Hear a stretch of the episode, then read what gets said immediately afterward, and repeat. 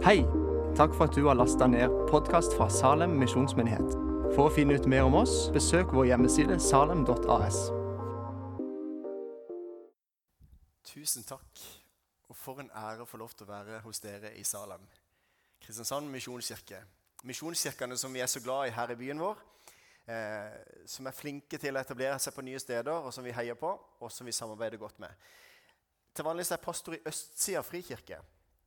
Og vi eh, leier kontor av Justnes misjonskirke for å vise at vi er en menighet. Bare at det er, det er mer strategisk å være to.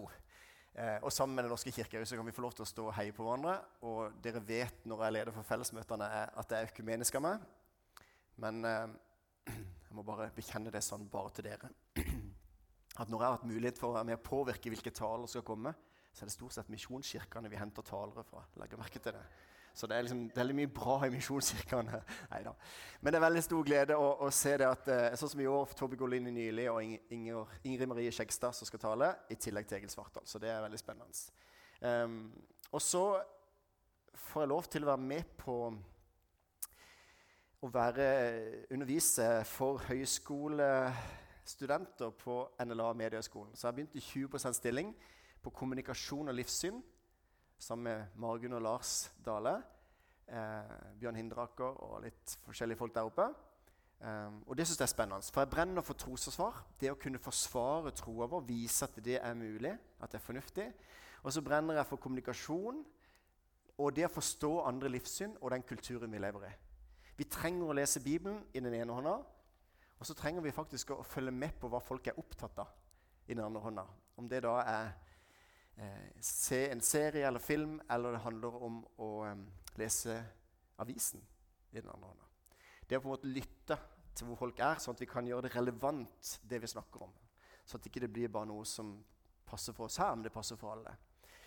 Og så, da, ja, så jeg har litt i Østsida frikirke som pastor der, 70% og så har jeg fellesmøtene og på høyskolen som høyskolelektor. Så det er spennende. Mastergraden tok jeg i forbindelse med dette med trosforsvar.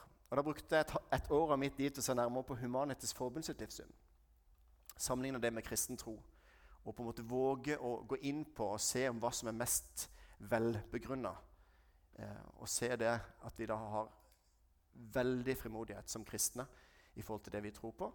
Og det gir meg frimodighet til å ut og fortelle om det. da. Så jeg eh, syns det er fint å kunne bytte med Geir eh, Geir Johannessen at vi kan få lov til å, han kan komme til oss til våren. Og så er det fint å være på besøk hos hverandre, eh, så at vi viser at vi er en menighet, selv om vi er mange. Jeg vet ikke om dere eh, fikk med dere Vi har første slide her. ja. Der har vi den. Supert. Jeg vet ikke om dere fikk med dere Harald Eia, som hadde et program, altså 'Sånn er Norge', hvor han satte fokus på Gud. Var det noen som så det? Ja, det var noen stykker som så det. Ble dere lei der, eller ble dere liksom oppmuntra? Egentlig så er det sånn følelse på sånne ting. Når jeg ser ting på TV, så er det stort sett sånn at det, eh, det er ikke så positivt fremstilt kristen tro nødvendigvis. Så føler man at man kommer med lua i handa og tenker at 'unnskyld at jeg er til', jeg er kristen. Ikke sant? Istedenfor å kunne løfte blikket og så si at 'ja, er ikke du? er ikke du kristen?' Eh, ikke at vi skal bli arrogante, men få en frimodighet i forhold til det vi tror på. For det har vi all god grunn til å være. Bare sånn I går mens jeg holdt på å løve inne i garasjen og, og holdt på å jobbe litt, så hørte jeg en debatt med en som heter eh, Hitchens, som er en, en, av disse nye artistene, debatterer en kristen. Og bare høre liksom hvordan, hvordan, de tenker, hvordan de argumenterer mot oss. Så at jeg vil høre på de innvendingene som kommer, sånn at hvis det er gode innvendinger, som gjør at jeg mister troa, så jeg vil jeg egentlig være takknemlig til dem. Så at jeg ikke kaster bort resten av livet mitt på noe som ikke er sant. Er dere med? For jeg har ikke lyst til å gå og fortelle om Jesus rundt forbi hvis ikke han er satt opp fra de døde. Det er Paulus sjøl sine ord, det er ikke mine ord. Han sier at hvis ikke Kristus er oppstått, så er vi de latterligste alle mennesker. Men nå er Kristus oppstått, og så gir det sannheten gir en frimodighet til å komme med trøsten. For det er jo ikke noe trøst hvis ikke det er sant. Og Noen bruker noen innvendinger av og til mot meg, og så sier de ja, men Rune, du, trenger, du tør ikke face det, eller du trenger ikke stå foran det at, det, at du skal bare dø når du, når du, dør. Du våger ikke innse det. Det er derfor du trenger denne krykken, denne trøsten i møte med at kanskje du skal leve videre etterpå. Og så videre. ja, ja, ja. Nå bruker du psykologiske grunner at at for at jeg tror. Men jeg kan bruke psykologiske grunner for at du ikke tror. Og Det kan handle om at ikke du ønsker å legge ned ditt eget liv og sjøl være herre. Eller det kan handle om at du er frykt for hva det er for noe. og litt sånn, er jo, vi er jo rare, vi kristne. Jeg kan skjønne at det er litt vanskelig av og til å komme inn i en kristen forsamling og, og komme sammen med oss. Se på oss. Nei da. Men, men, men vi, vi, har mange sære ting. Og spesielt når kristenheten er sånne milliard mennesker som alle gjør et eller annet rart rundt om hele verden, sånn, så, så, er det rart at vi skal puttes inn i samme boks. Og da skjønner jeg at noen ikke vil ha noe med oss å gjøre òg. I hvert fall hvis jeg ser på andre enn dere i Salem, da. Så Derfor så handler det om å på en måte møte de innvendingene som kommer. Ikke arrogant, ikke på en måte sånn ufint. Vi skal ikke vinne en diskusjon, men vi våger å ta på alvor de innvendingene folk har. For mange ganger så er det mennesker som søker, og som trenger at du lytter. Denne serien her, Gud, som, eller denne 'Sånn er Norge'-serien med Harald Eia, som satte fokus på Gud, eh, det var interessant. For han viser det at det, gudstro i Norge går nedover. og det er fra 1947 til 2019, så ser dere at det blir færre og færre som overbevist, er overbeviste kristne. Um, og det er en del som ikke altså Hvis du tenker å legge sammen de tallene, 78% så er det en del som er åpen for at det må være noe mer. Og de tror jeg også å ha Gud med eller spirituelle ting inne i bildet. ikke sant? Så, så tallet er ikke Men si 30, opp mot 30 da, som, som, er kristne. Men hvis du ser på verdensbasis, sier da Harald Eia, så er det stigende tall. Så det, I vårt sekulære Norge og Danmark, Sverige og Frankrike er veldig sekulært, så, så, har vi ikke behov for Gud, sier Harald Eia. For vi har Nav. Nei, altså ja, men litt sånn, Jeg pleier å si det litt flåsete på den måten, men, men, poenget er at vi har jo velferdsstaten Norge. Vi trenger jo ikke Gud. Vi har det jo så godt. ikke sant? Og så sier Harald Eia at grunnen til at, ikke, at nedgangen er, det tror han ikke er fordi at, vi, det er så mange sinte på Gud. Han tror det handler om at vi har det altfor godt. Så hvis du skal få flere mennesker til å tro, så bør du gjøre det vanskeligere for dem. Dette er hans sine ord. da. Men jeg tror det er noe i det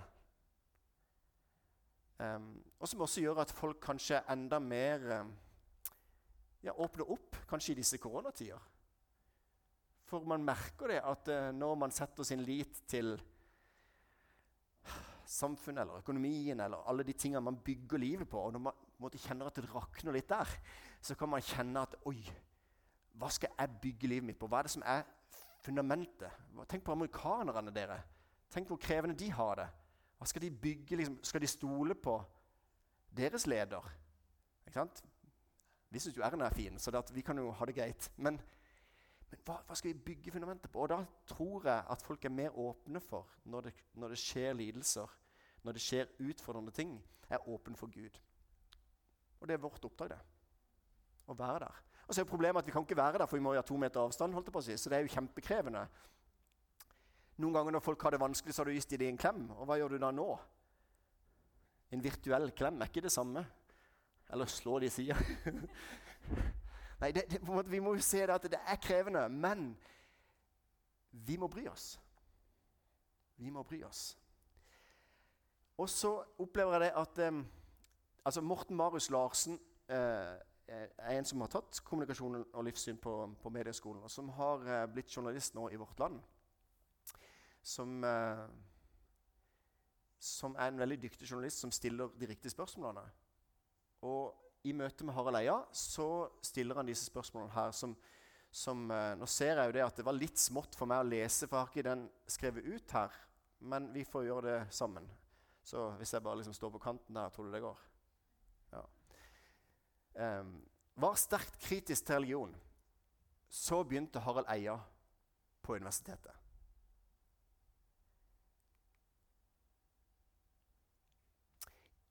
Se der var sitatet til Harald Eia der. Jeg har selv tatt feil ved å tenke at vitenskap har erstattet religion, sier Eia.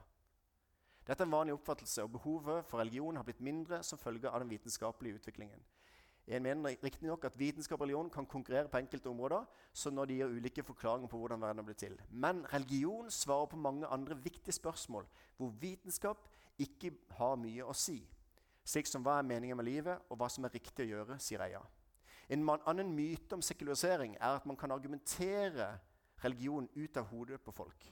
Jeg tror argumenter kan vippe noen over kanten, men bare hvis det er emosjonelle reisverket har blitt borte, og hvor man gjentar det man har lært om religion som en regle. Hvis man vil gjøre folk gudløse, vil jeg heller satset på å gjøre dem helere, lettere og tryggere for dem, sier Eia. Eia forteller at han selv var sterkt kritisk til religion som ung.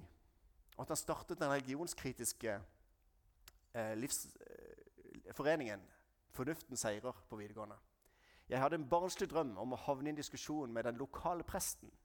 Jeg forestilte meg at presten etter en halvtimes tid ville bryte sammen og miste troen. Det eneste jeg var usikker på, var om jeg skulle trøste presten etterpå eller ikke. Eh, dette forandret seg da Eia studerte filosofi ved Universitetet i Oslo. Det var første gang jeg møtte smarte kristne. Her kom jeg helt til kort, og jeg forsto at den naturvitenskapelige kritikken min, hvor jeg, hadde kjøpt ideen om at det var en stor konflikt mellom tro og vitenskap, ble for banal. Filosofi, filosofiprofessor Egil Willer var blant de, de som overbeviste Eia om at ateisme er umodent. Han mente at man var snev og synt hvis man abonnerte på ateisme. Ja, men jeg synes det er litt gøy å ikke si som kristen at ja, det er fornuftig å tro. Jeg synes det er bedre å bruke Harald Eia til å vise at det er ingen konflikt mellom tro og vitenskap. Er det med? Og Det dikter jeg også gjør i masteroppgaven min, hvor jeg da ikke bruker kristne mot ateister, men heller bruker ateister mot ateister. For vi kristne er jo hjernevaska. ikke? Så derfor er det bedre å bruke ateister for å argumentere mot ateister. Hvis jeg skjønner bildet. Jeg mener ikke vi er det, men noen har det inntrykket. Mm. Um, så derfor så handler det om at um, Jeg må ha ett sitat til. Helt Nesten nederst står det vi er ikke så sinte på religion i Norge. Mange ateister er nok heller uinteressert, sier Eia. Og Så svarer da Morten Marius Larsen folk kan da bli ganske rasende på konservative religiøse når abort og homofili er temaet. Ja, og jeg synes det er veldig gøy med ikke-troendes forhold til religion. De trekker gjerne fram noe fra Bibelen, men det må stemme overens med det de synes er riktig. De behandler den ikke som en autoritet, men noe som kan bekrefte meningene deres. Sitat slutt. Og det var som jeg skulle sagt det sjøl. Men det er ikke det samme når jeg sier det. Det er mye bedre at Harald Eia sier det. Og dette er jo det krevende. Når jeg da er en konservativ person som ønsker å stå opp for noe, så er det krevende når andre bruker Bibelen og plukker det de har lyst til. Og kanskje egentlig fra alle religioner i samfunnet i dag. Man setter sammen sin tro. Du, Det med karma hørtes fint ut, så det tar jeg med meg. Og så en god gud, det tar jeg med meg. Og så plukker jeg litt her og der, og så er dette min tro. Og så er det ingen som kan gjøre noe med den, for dette er min tro. Ja, men Henger det sammen, det du tror på, da? Du må sjekke om det henger sammen. For Gud kan ikke være til og ikke til samtidig. Begge deler kan ikke være sant. Derfor er mitt oppdrag da å peke på om det henger sammen. Og Så kan gjerne folk stille spørsmål om vårt livssyn henger sammen. Og Det skal jeg være meg i ærlige svar på. Men stort sett hvis jeg stiller spørsmål tilbake igjen og så sier du, Det er greit nok at du ikke kan skjønne hvordan det kan være en kjærlig Gud når det er så mye vondt i verden. Men hvordan forholder du deg til det onde? Og hvordan på en måte forstår du det i forhold til ditt livssyn? Um, jeg har ikke noe livssyn. Jo, det har du. Du har en måte å se verden på. Fortell litt om hvordan du ser på mennesket, hvordan verden er blitt til, moral, mening. Så skal jeg si hvilket livssyn du har. Er det med? Så alle har en måte å se verden på. Og Vi trenger da å hjelpe dem til å se at det er ikke samsvar innad i deres livssyn. Og så må vi, vi må prøve det på sjøl òg. Henger vårt livssyn sammen? Ikke sant? Og Det er da en kan ha gode grunner til å tro. Det skal vi ikke gå inn på nå, men det handler om at vi kan være frimodige. Um, Stopper han litt nå?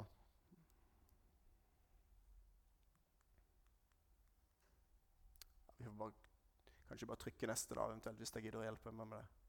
Yes. Er det fornuftig å tro? Altså Vi sier det store flertallet tror egentlig på en gud i Norge. Men likevel så latterliggjøres de som tror litt, Jeg føler det i hvert fall sånn. At man latterliggjøres litt. At det, er det mulig å tro?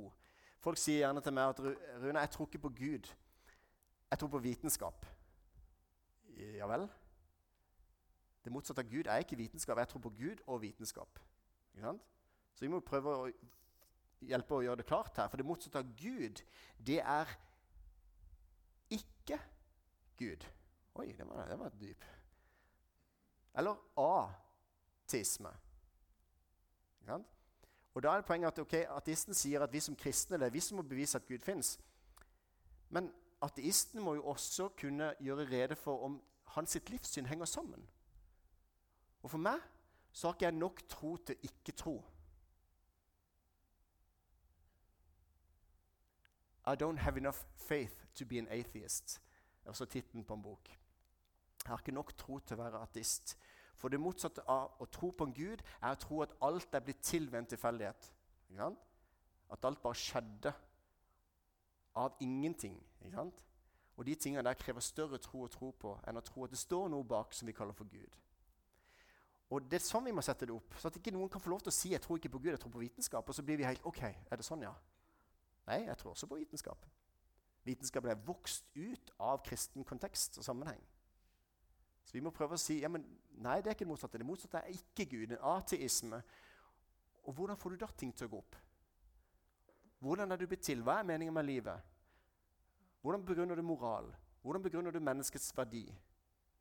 Alle de tingene der kan ikke begrunnes ut ifra en evolusjon, eller en naturalistisk evolusjon. Det er mulig å være kristen, kristen og tro på evolusjonen, men da er det en teistisk evolusjon. Da er det Gud som står bak en evolusjon. ikke sant? Kanskje noen syns dette er heavy, men hør. Hvis jeg våger å stille spørsmål tilbake, så vil man innse at det kanskje ikke henger sammen innad i livssynet deres heller, og så kan de måtte fylle med noe bedre. Men vi må i hvert fall ikke bli redde i møte med at mennesker har innvendinger mot kristen tro. Vi må være frimodige. Vi må få lov til å um, ja. Så selv om det er latterliggjøring, så opplever jeg da at kristendommen kan oppfattes av mennesker som et intellektuelt, intellektuelt selvmord. At idet de kommer inn her, så plasserer du hjernen ved inngangen. Og så når du går igjen, så kan du ta hjernen og gå ut igjen.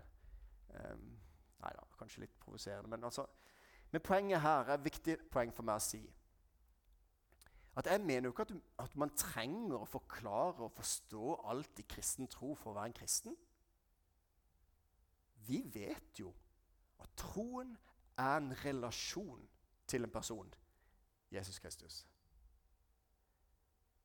Så hvis du syns dette ikke er så relevant for din tro i dag, at ikke du blir oppbygd i troa ved å høre disse tingene jeg begynner med når jeg starter nå. Men så i hvert fall vit at det kan forklares. At ikke det er noen motsetning. Så Derfor bruker jeg den, den eh, analogien, i forhold til det at Er det noen her som ikke kan noter? Men hører dere på musikk uten å kunne noter? Ikke sant? Oi. Men det handler jo ikke om det. Følelsene i musikken altså, kan appellere uten at man kan forstå hva som egentlig skjer. Eller kan arrangere eller komponere. Og dere som sa at dere kunne noter nå altså, Det er ikke sikkert dere kan komponere og sette sammen musikk allikevel. Så derfor tenker jeg at ja, bare vit at det er den relasjonen til Jesus, den personlige relasjonen, det er det troa handler om. Men det er ikke noen motsetning til at du kan forklares og settes i system. Ikke sant? Men det er også sannhet. Noen har nok fokusert på jeg mener det at kirka, at vi, er, eh, at vi har gjort oss sjøl en bjørnetjeneste. Og bjørnetjeneste betyr ikke en veldig stor tjeneste. det betyr at det slår tilbake på oss. For vi, vi, vi, Folk i dag vil ikke spørre etter sannhet. De spør etter opplevelser og erfaring. Og vi kan gjerne gi dem det, for kristen tro, det er relasjon med Jesus, gir opplevelse og erfaring. Men vi er nødt til å holde fram at det også er sannhet. Ellers så blir vi bare en tilbyder på lik linje med alle andre. Så sannhet må vi løfte fram. Vi er nødt til å formidle det med nåde og sannhet. Men vi er nødt til å, å, fokusere på at det er noe som er sant. Ok, Vi kan ikke vite hva som er sant, men det er noe som er sant. Alt kan ikke være sant på en gang. Og fordi at det, er noe som er sant, men fordi at vi kan se forskjellig på den sannheten, så har vi respekt for hverandre. Og så banker vi ikke Bibelen i hodet på folk, men vi har toleranse. Og Da kan vi være ganske dypt uenige med mennesker, men allikevel så tåler vi hverandre. Vi tolererer hverandres standpunkt. Og derfor, derfor, kan jeg sitte sammen i Forum for tro og livssyn med humanitikere, og buddhister og muslimer og ha respektfulle samtaler, og vi tolererer hverandre. Toleranse i dag har blitt endra i forståelsen. At jeg kan ikke si at noe er sant, for indirekte så sier jeg da at du tar feil. Og da er jeg intolerant overfor det. Du må, du må, det er helt kriseforståelse. For hvis vi er enige, så er det ingenting å tolerere. Er dere med? Så Vi er nødt til å bare arrestere den måten å forstå toleranse på. Så det betyr at Når jeg er i samtaler med mennesker som har et helt annet syn i forhold til meg, i forhold til for For eh, samliv eller ekteskap, så kan vi være dypt uenige, men jeg vil kjempe for at de skal kunne mene det de mener.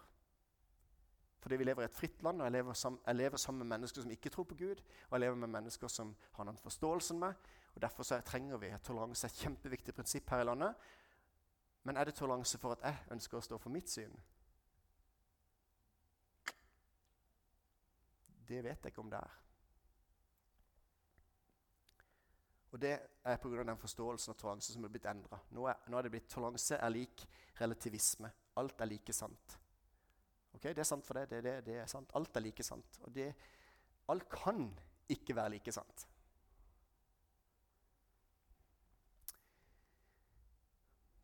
Så kommer de til meg og sier Rune, bevis at Gud fins. Det går ikke an å bruke bevis. Det er gått, for lengst er det gått vekk fra Guds bevis. Det er jo argumenter for Gud. Vi kan ikke bevise at Gud fins. Vi kan heller ikke bevise at Gud ikke fins. Bevis går ikke an. Vi må se på hva som er det mest sannsynlige. Sette det opp mot hverandre. Våge å se på Humanites Forbund sitt livssyn, hvordan det henger sammen. Våge å se på Koranen og islam. Um, det betyr ikke at alle skal gjøre det. For Det blir ganske stress hvis alle skal sette seg inn i alle livssyn. Men vi erfarer at det gir gjenklang når man går i Salem og opplever at, at noen får anledning til å sette seg ekstra inn i ting. Og Hvis det ikke er riktig, hvis ikke det stemmer overens, så må du stille spørsmål. Hva, hva er greia her? Jeg forstår ikke dette her. Geir, hva er dette her? Og det er lov. For det er ikke noe sekt. Her er det lov til å stille spørsmål og grunne på det. Er dette riktig? Og være, gå hjem og teste det ut. Det han sa i dag, er det riktig? Jeg må finne ut om det, om det stemmer. Og så kan ikke du få satt inn i alt. Da kan du kanskje stole av og til på, på lederne som på en måte har kommet fram til noe. Så sier du ok, jeg stoler på det i dette tilfellet fordi at alle, alt det andre går opp. på en måte. Men du har lov til å stille spørsmål ved alt. Og det må stemme overens. Det må gi en gjenklang. Så vi kan ikke bevise at Gud ikke fins, bevise at Gud fins, men det er gode argumenter for det ene og det andre. Vi kan ikke bevise kjærlighet heller vitenskapelig. Men det er det som er poenget mitt. egentlig. Snu om på det. Still spørsmål tilbake igjen. Og Hvis folk har en innvending mot kristen tro, så lytt til han. Ikke vær redd for han. Men i stedet for at du skal komme og øh, bli helt sånn målløs, så bare still spørsmål. Du, Hjelp meg litt. Hvordan tenker du om dette, da? Får du i hvert fall litt tid til å tenke. Eller fortell at du syns det er vanskelig, du også. Men det er ikke sånn at du mister troa fordi at du fikk en innvending mot kristen tro. For det er en relasjon. Og still spørsmål tilbake. Hvordan kan du tro at alt er blitt til ved en tilfeldighet? Og det som er rart, det er at hvis du kommer inn her, inn her og så sier at 'jeg tror ikke på Gud', og så, så, står han der, og så står jeg her, og så sier, vi, og så sier jeg ja, 'Å ja, nei, jeg tror på Gud'. Hæ? Har jeg avklart at vi snakker om det samme? Han sier at han ikke tror på Gud. Da må jeg fortelle litt om den Gud som du ikke tror på. For mest sannsynlig tror ikke jeg heller på han. Er dere med? For det handler om et Guds bilde. Det handler om en forståelse av Gud. Og hvis han tenker at Gud er en gammel mann med skjegg som sitter oppe i himmelen og skal på en måte styre oss. et eller annet sånt. Jeg tror jo ikke på den Gud, jeg heller. Kan ikke jeg fortelle litt om den Gud som jeg tror på? Og så kan du se om du tror på han. Så det handler om kommunikasjon også, da. Det handler ikke bare om at vi på en måte må stå opp for troa vår, men det handler om at mennesker ikke vil tro på den Gud som de tror vi tror på. Det skjønner jeg godt. Jeg skjønner det kjempegodt. Og hvis ikke de tør å komme inn i kristne sammenhenger fordi at de ikke får til kristenlivet For de må jo være sånn og sånn og sånn for å kunne være en kristen.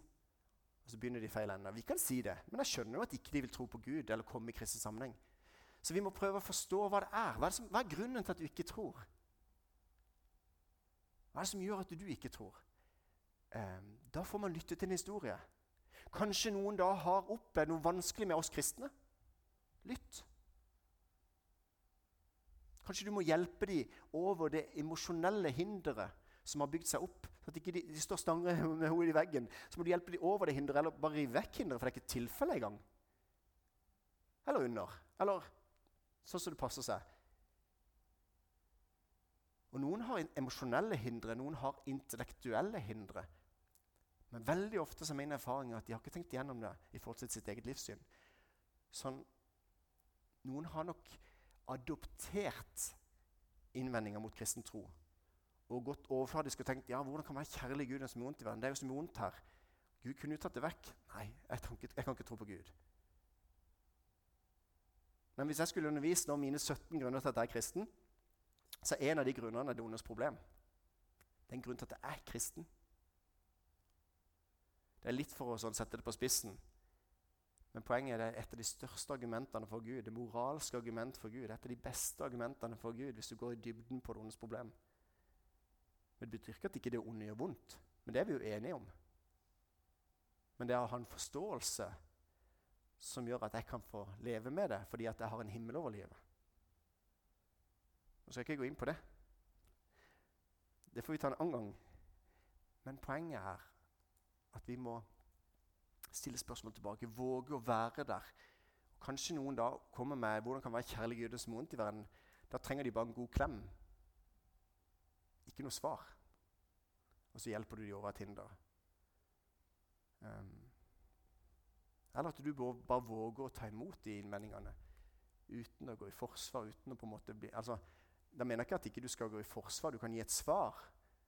Men ikke være altså Ikke prøve å vinne diskusjonen. Vi er heller mennesket. Ikke sant? Så Derfor må vi høre hva som ligger bak spørsmålet. Hva er grunnen til at du stiller det spørsmålet der? Jeg syns òg dette er vanskelig. Det skal jeg spørre Jesus om når jeg kommer til himmelen. Bare si de tingene. Du får ikke alt til å gå opp, du heller, men det gjør ingen. Hadde det vært sånn at alle de andre livssynene fikk ting til å gå opp, så hadde det vært stress å dra med seg Jesus på toppen av det hele. av det. Ikke sant? Men ingen som får ting til å gå opp. Eller får alt til å gå opp. Unnskyld. Alt til å gå opp. Så derfor må vi våge å være frimodige i møte med det. Um, ja, jeg tror ikke jeg skal gå inn på alt her nå, men, for det må være noe mer. Men vi kan ikke vite.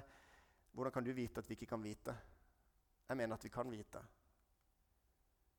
C.S. Lewis sier det at slik sult antyder eksistensen av mat, antyder den religiøse søker at det fins en gud. På en måte det at um, vi har en lengsel. Forkynnerne så står det at også evigheten har lagt i våre hjerter. Jeg tror ikke vi finner fred før vi finner Gud. Det er min påstand. Men også erfaring. Så bevis at Gud um, Jeg tror ikke jeg går inn på de siste noen tingene her. fordi at det, det Poenget er bare å bevise at du fins, Gud. Ja, men Hvem er det som da er Gud? Hvem er det som dikterer Gud her? Hva hvis Gud har valgt sin måte? Og det siste punktet, Jeg tror ikke før jeg får bevis for ting. Men det går ikke an å leve til den måten der. Du satt deg på stolen i dag i tro. Du visste jo ikke, du kunne ikke vite at den stolen ville holde, men din erfaring tilsier at det skulle gå bra. Men det er jo ikke blind tro å sette seg inn i stol. Det er ikke en blind tro å tro på kristendommen. Det er ikke en blind tro å stole på at det holder. Men jeg kan ikke vite idet jeg dør, at det holder. Men det er ingen blind tro. Det er en velbegrunna tro. Det mest sannsynlige alternativet. Julenissen versus mamma. altså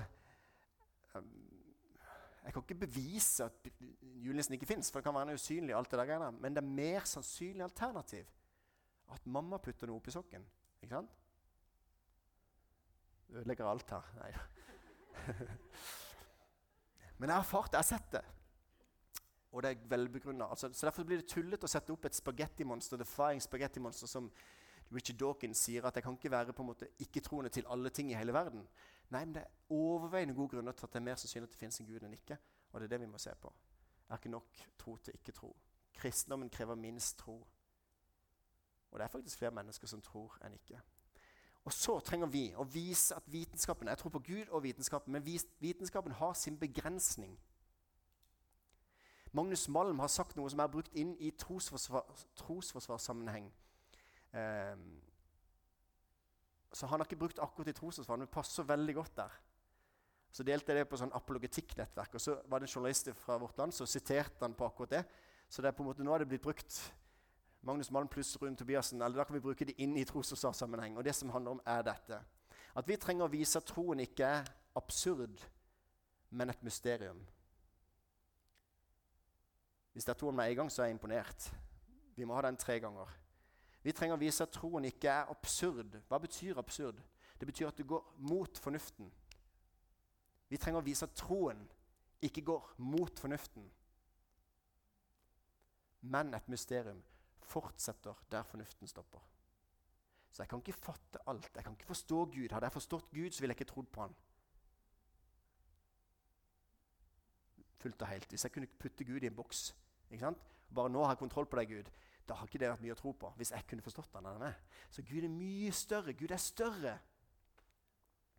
Men det betyr ikke at hvis da mennesker skal bortforklare Gud med sitt hode, så vil jeg bruke mitt lille hode til å si at det er for enkelt. Ikke sant? Så Derfor kan vi bruke hodet også til å argumentere for kristen tro og mot argumenter uten å tenke at det, altså, temaet her trenger troen forsvares. Altså, ja, vi skal også bruke hodet. Og hvis folk bruker hodet til å bortforklare Gud, så kan i hvert fall vi bruke hodet til å si at det er for enkelt. Og si at det, Gud går ikke mot fornuften, men fortsetter der fornuften stopper.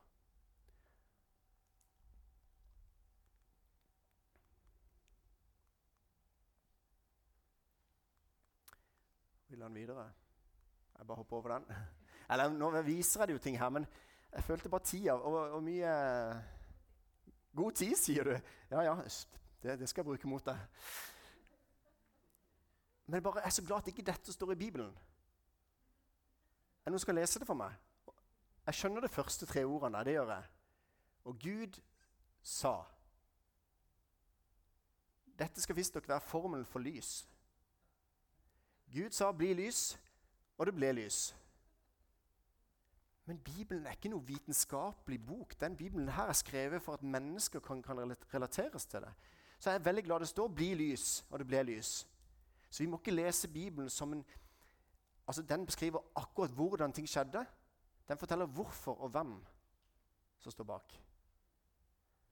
Så en liten sånn hjertesak. Vi må slutte å argumentere mot evolusjon. Vi må heller si ok, greit nok du tror på evolusjon, men hvorfor evolusjon? For det går an å argumentere å være en kristen evolusjonist. Det er mange innvendinger mot det. En pragmatisk tilnærming til at F kan ikke nok. Jeg har ikke et eneste studiepoeng i fysikk eller biologi. Da blir en lettvekter. Men de er tungvektere alle sammen når det gjelder det å stille spørsmålet hvorfor. Hvorfor er du her? Hvor kommer du fra? Alle de spørsmålene som handler om livssyn. Og det gir ikke vitenskapen svar på. Det gir ikke evolusjonen noe svar på. Så Hvorfor evolusjon? Hvem var det som starta evolusjonen? Det kan du stille spørsmål om istedenfor å henge deg opp i. Det er et eller annet feil der og der og der. Nei, vi må ikke bruke tid på det. Se der, jeg har en pragmatisk tilnærming istedenfor å tenke at det er sånn og sånn og sånn. Og sånn. Og så bruker masse kristne mye energi til å lese forsvar mot evolusjonen. Så tror vi at trosforsvar handler om å kunne argumentere mot evolusjonen. Kjære tid, hvem av oss kan da være trosforsvarere? Vi må heller stille spørsmål om de tingene som ikke vitenskapen gjør. Hvorfor? Og Bibelen er opptatt av det. Og skapelsesberetninga, som er skrevet, for, kanskje, skrevet ned for 3500 år siden Den er jo ikke noe eh, motsetning til vitenskapen, den. Tenk hvis det var skrevet sånn som det egentlig er, sånn som vi tror. Nå tror vi at vi har forstått så mye. Men hvis det var skrevet på den måten inn i, år, i 3500 år siden, så ville de ikke forstått noen ting på den tida.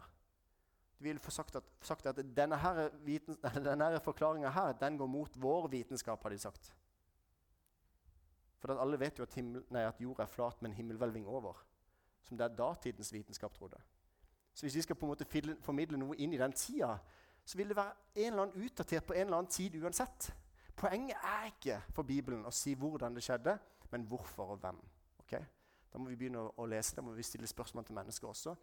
Og så har vi dyktige folk som har satt seg inn. Francis Collins, eksempel, som står bak kartlegging av DNA-et. Som er en over, overbevist kristen, og som deler vitnesbyrdet sitt, og som gjør, peker på at Gud er større. Um, John Lennox, William Lane Craig Hvis ikke du har hørt om disse, så vit at det fins gode trosforsvarere i verden som våger å ta debatten med de smarteste ateister. Så trosforsvar handler om å gi en forsvarstale i en rettssak. Det handler om at ok, nå har du fått en beskyldning her. Nå får du 15 minutter til å gi forsvar for ditt syn. Men det gjelder egentlig alle livssyn. Alle må ha en forsvarstale for sitt livssyn. Men vi knytter det an til trosforsvar. Og Da handler det om å hjelpe folk til å se, bryte ned de hindrene som jeg snakka om i stad, og få de over hindre. Så egentlig kan du sammenligne bondens eh, altså Apologetikk, trosforsvar, kan sammenlignes med bondens bearbeidelse av jorda før du sår. Husker dere såmannen? Kasta han ut såkorn? Lignelsen om såmannen. Kasta ut såkorn. Noe av det falt, falt på hardtrampa jord. Den onde kom og stjal med en gang. Så det er en del hjerter som er hardtrampa. Det er de som hører og ikke forstår. Men de som hørte ordet og forsto det, forsto det, forsto det Det ble de i god jord, sånn at det bar frukt. Og så er det noe som sås blant tisler og torner og sånne ting, som kveles av andre ting. som er opp, Vi er så opptatt av andre ting. ikke sant? Vi har hytter, vi har eh, rikdom og ting som bare kveler det. For vi, ikke, vi trenger ikke Gud. ikke? Så poenget er bare å si vi trenger å forkynne ordet, men hvis det er hardtamper, så trenger vi å pløye det. og på en måte, Enten det handler da om å bearbeide med intellektuelle hindre eller emosjonelle hindre. Da må du være der. Da må du være der for, de, for din nabo. Og så kan du være med sånn at når Guds ord blir sådd, så blir det sådd i god jord. Og så er det et samarbeid. Vi trenger å stille de spørsmålene som vitenskapen ikke besvarer, og hjelpe mennesker til å bringe evigheten inn i hverdagen. Det er mange som er kristne i litt av uke idet de blir foreldre. Benytt muligheten. Eller du begravelse. Alle tenker på Gud da.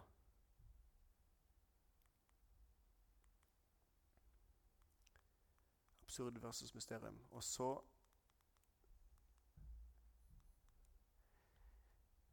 er dette utfordringa til dere i dag. Gå fram med visdom blant dem som står utenfor, og bruk den dyrebare tiden godt. La alt dere sier, være vennlig, og la det ha salt og kraft, så dere vet hvordan dere skal svare hver enkelt. Ikke bare smil. Du kan ikke bare smile til folk et helt yrkesaktivt liv. Det er noe spesielt med det. Etter 25 år så har de smilt til de på arbeidsplassen. Det er noe spesielt med det. Er du vegetarianer? Ikke sant? Altså, hva er det? Det er, det er et eller annet. Du må jo også la det være salt og kraft. La det være Jesus som formidles i det. Så vi skal smile, men vi har misbrukt litt av det forkynne evangeliet om nødvendig med ord. Og så på en måte bare gjør vi gode gjerninger. Det er helt supert, men, men det er også fint å si at Jesus er veien. Og vær alltid klare til forsvar når noen krever det til regnskap for det håp dere eier. Men gjør det med ydmykhet og med Guds frykt. Så det kan ha en god samvittighet. Ikke, så jeg er litt redd for når jeg på en måte, må på en måte innta den motsatte holdninga, så blir, kan man bli arrogant. skjønner du hva jeg mener? Fordi at man skal liksom lyst til å vise at vi har gode grunner til at vi kan tro. Så kan man bli nesten litt arrogant. Det er ikke det som er poenget. Vi, det er ikke den grøfta.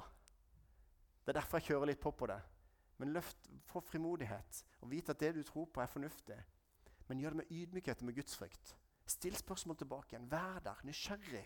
Gå, Våg å gå en vei. Ikke tenk at noen tror og noen ikke tror. Tenk at de alle er underveis og har respekt for hverandre. Kan ikke du være med og følge Jesus i en periode? at dere kjører alfakurs her i menigheten. Det kan man utfordre ateister på. Hallo, Har du forholdt deg til hvem Jesus er? Du, ja, men du kan jo følge Jesus i din periode. For Jesus når han kalte disiplene, sa han 'følg meg'. Han sa ikke 'tro på meg', for hvordan kunne du tro på han før de har vært sammen med han? Så følg meg. Da kan vi følge Jesus en periode for å se om han er den han ga seg ut for å være. Og så kom mennesker til tro. Så utfordrer folk. Ja, men du vet at Jesus har forandra milliarder av mennesker. Kan du ikke bruke ti kvelder for å se om det er noe? Om det er din tro verdig? Om det er troverdig. Så dette er blitt ofte kalt for apologetens 316. Men jeg har lyst til å endre det til å si at det handler egentlig om at du skal være alltid klar til å dele vitnesbyrdet ditt. Du er alltid klar til forsvar når noen krever det til regnskap, for det er håp dere eier. Så du har et håp i det. Våg å dele det. Når, når noen spør deg hvorfor er du kristen, ikke bare si at du vokste opp i et kristent hjem. Det er en grunn til at du ble introdusert til kristen tro. Men del hvorfor du er kristen. Vær beredt. Alltid beredt.